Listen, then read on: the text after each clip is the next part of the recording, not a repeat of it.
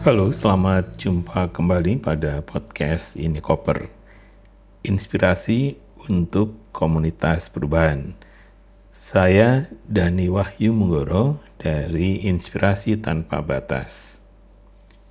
Kali ini saya ingin mengeksplorasi tentang perilaku transglobal leadership dalam keseharian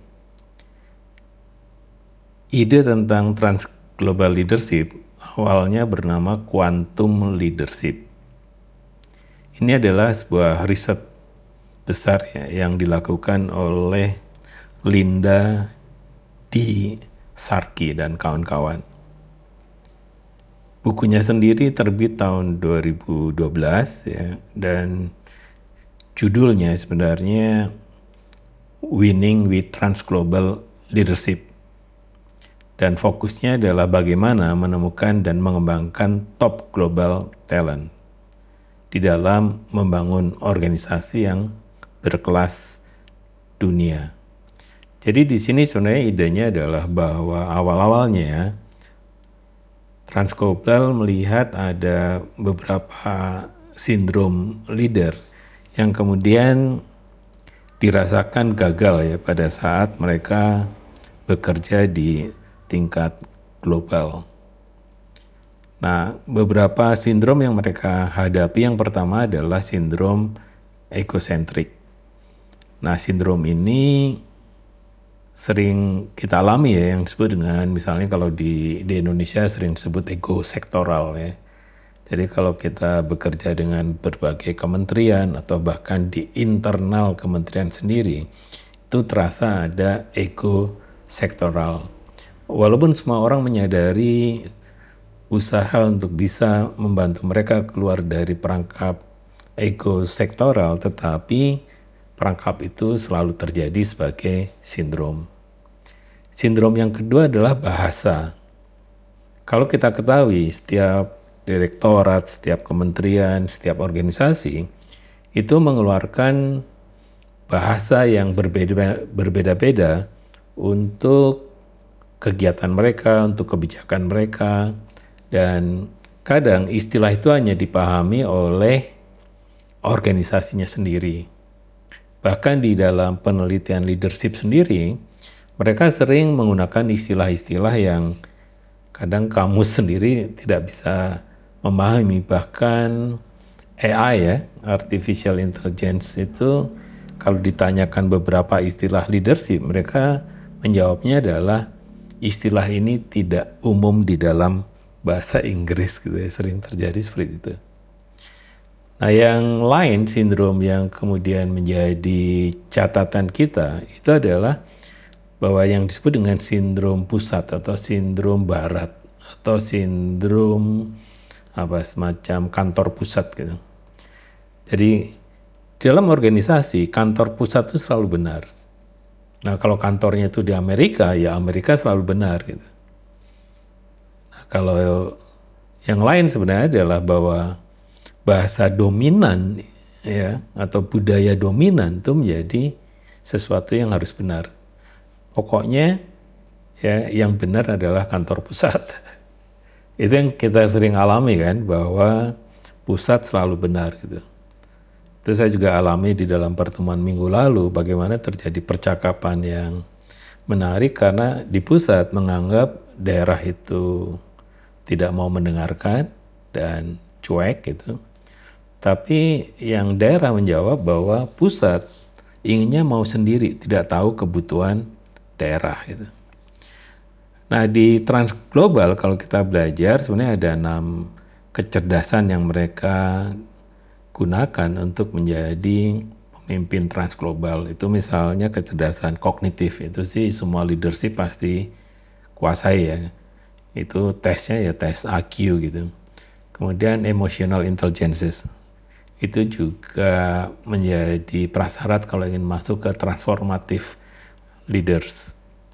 Kemudian ada yang disebut juga dengan semacam moral intelligence itu yang yang penting sebenarnya dalam konteks etika itu juga transformatif leader menggunakan kecerdasan moral ya sebagai apa semacam pengarah atau stirnya itu adalah di di morality atau di integritasnya. Nah, yang menarik di transglobal itu sebenarnya fokusnya adalah pada cultural intelligence. Kecerdasan kita memahami dengan cepat budaya orang atau budaya organisasi atau budaya negara gitu. Dan bagaimana kita merespon budaya-budaya itu yang berbeda jauh dengan budaya kita gitu.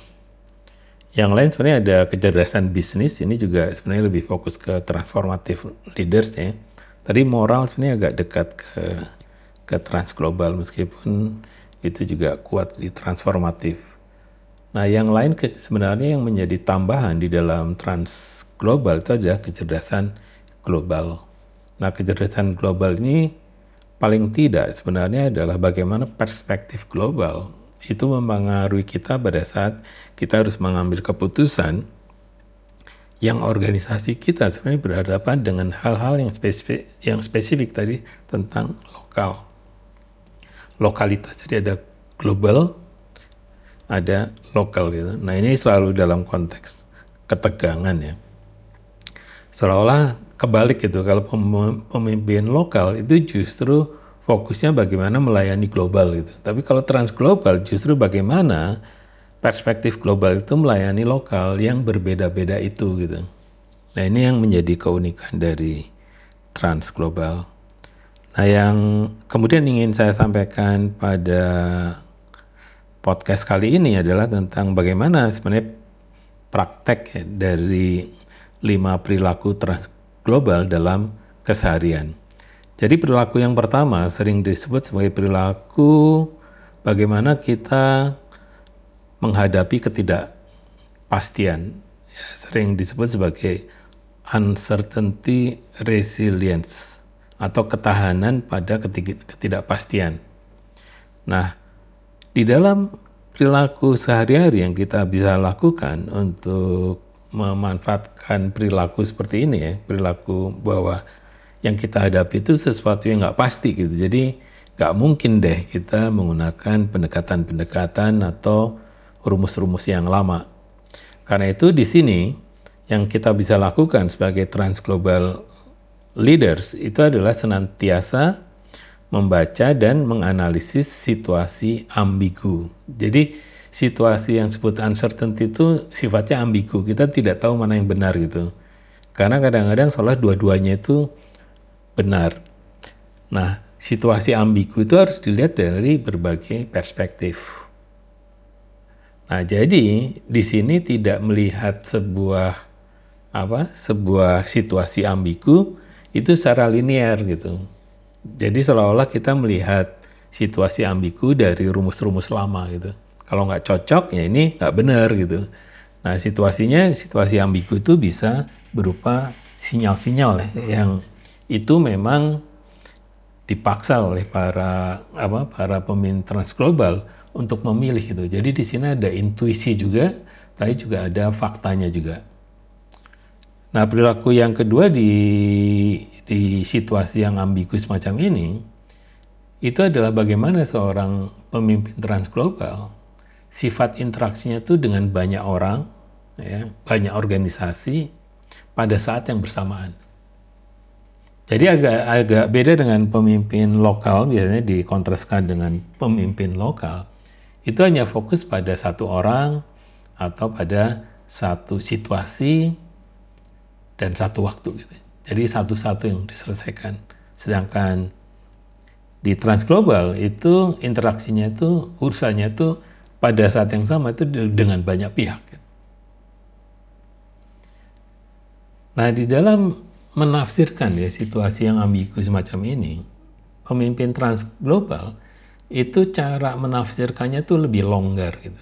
Bahkan menggunakan metafor dibandingkan melihat situasi semuanya itu dengan hal-hal yang sifatnya harfiah atau bisa dibaca gitu. Jadi banyak hal yang belum tentu terlihat ya di dalam situasi ambigu karena itu kita sifatnya lebih melihatnya sebagai metafora. Nah, di perilaku yang kedua sering disebut sebagai team connectivity atau konektivitas tim. Nah, di di perilaku yang kedua ini esensinya sebenarnya adalah karena kita ingin tim kita tuh bekerja dengan dengan apa? Klik ya.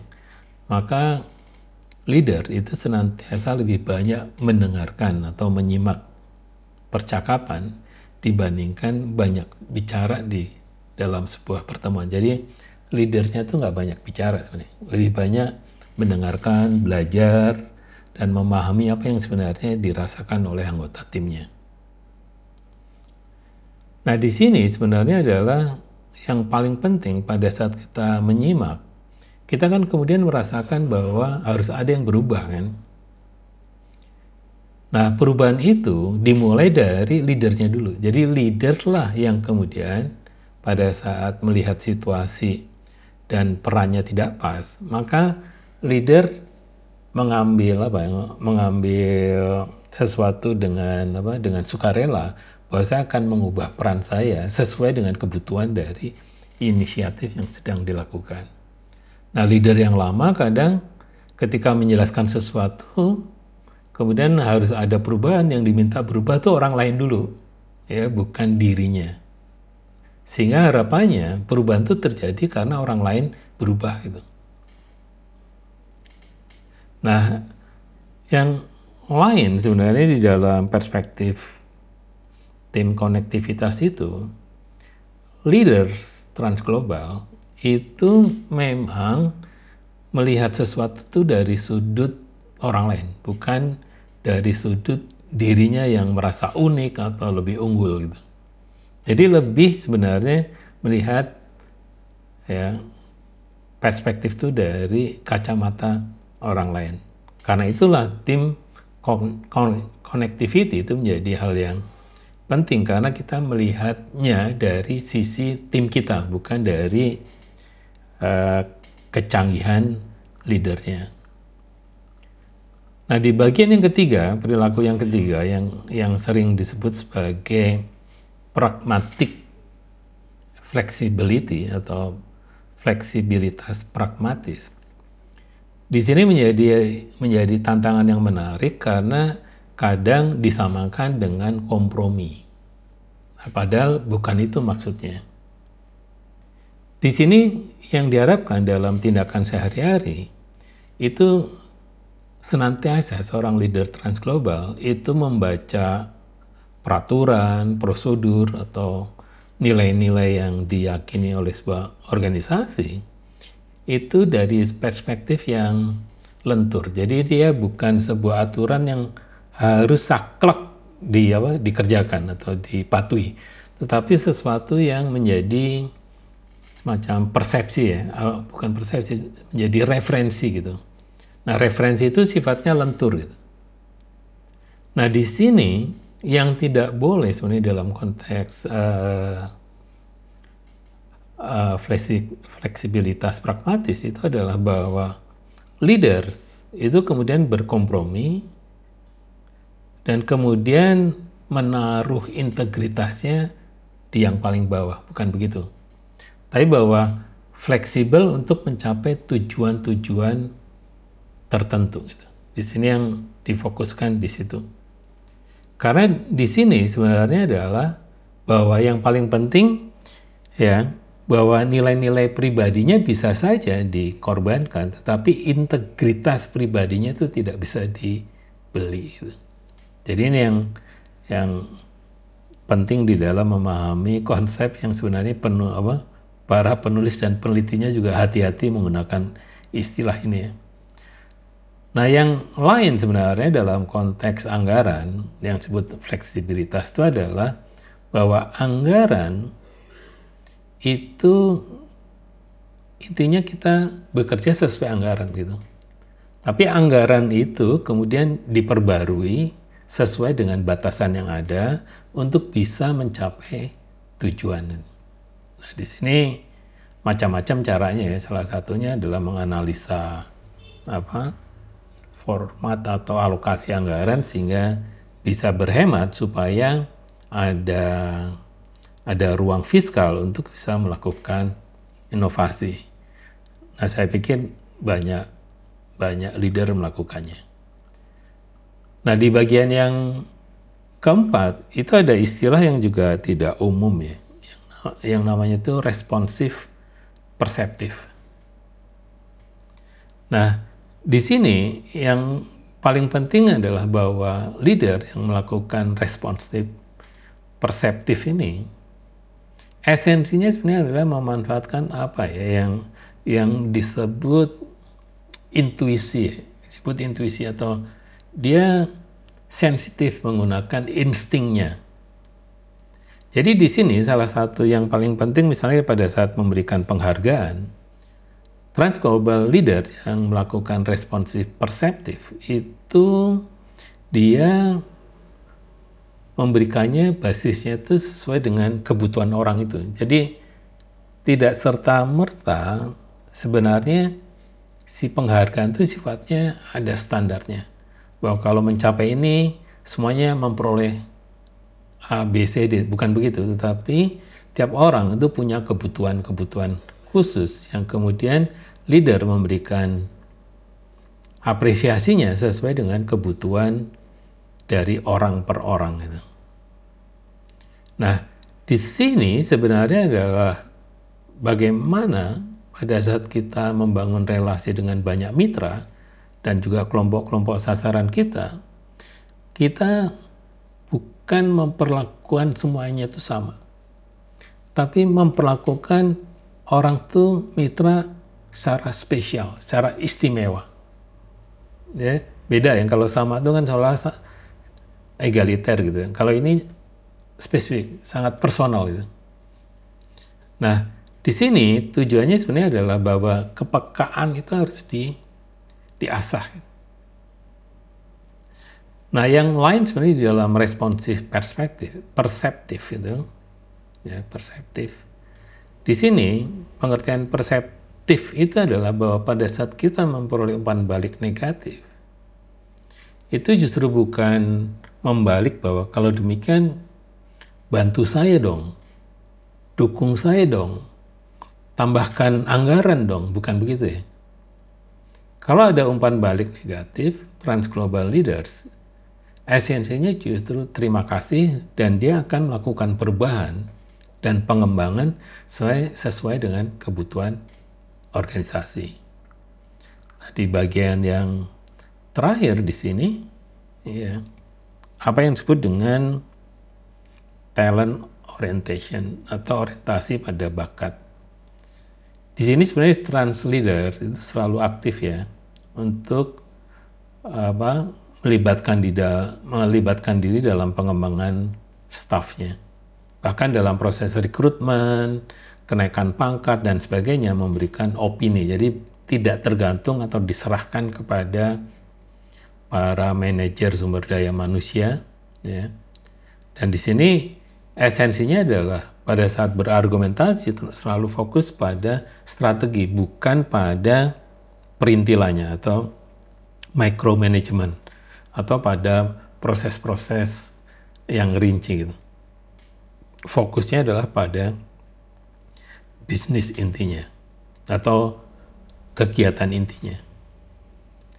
Nah, di sini yang paling penting sebenarnya adalah seorang trans global leader percaya bahwa pengembangan sumber daya manusia itu lebih penting atau jauh lebih penting dibandingkan dengan pengembangan teknologi dan sistem sebagai tindakan yang strategis bukan berarti anti teknologi tapi orang menjadi fokus utamanya. Nah ini yang yang tadi saya sebutkan bahwa di sinilah ya bahwa perilaku sehari-hari ini harapannya adalah pertama pada saat saat kita mengaplikasikan uh, yang disebut dengan uncertainty resilience itu adalah kemampuan untuk membuat perbedaan yang signifikan untuk melihat situasi yang kompleks. Nah, yang kedua, koneksi konektivitas tim itulah kemampuan bekerja melampaui batas dan batasan. Ya, jadi ada batas dan batasan di sini.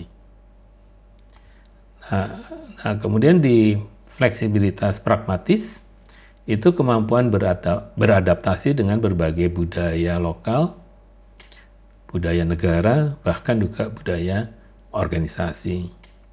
Sedangkan tanggung jawab perseptif itu memiliki sensitivitas membaca bahasa-bahasa nonverbal orang lain untuk proses pengambilan keputusan.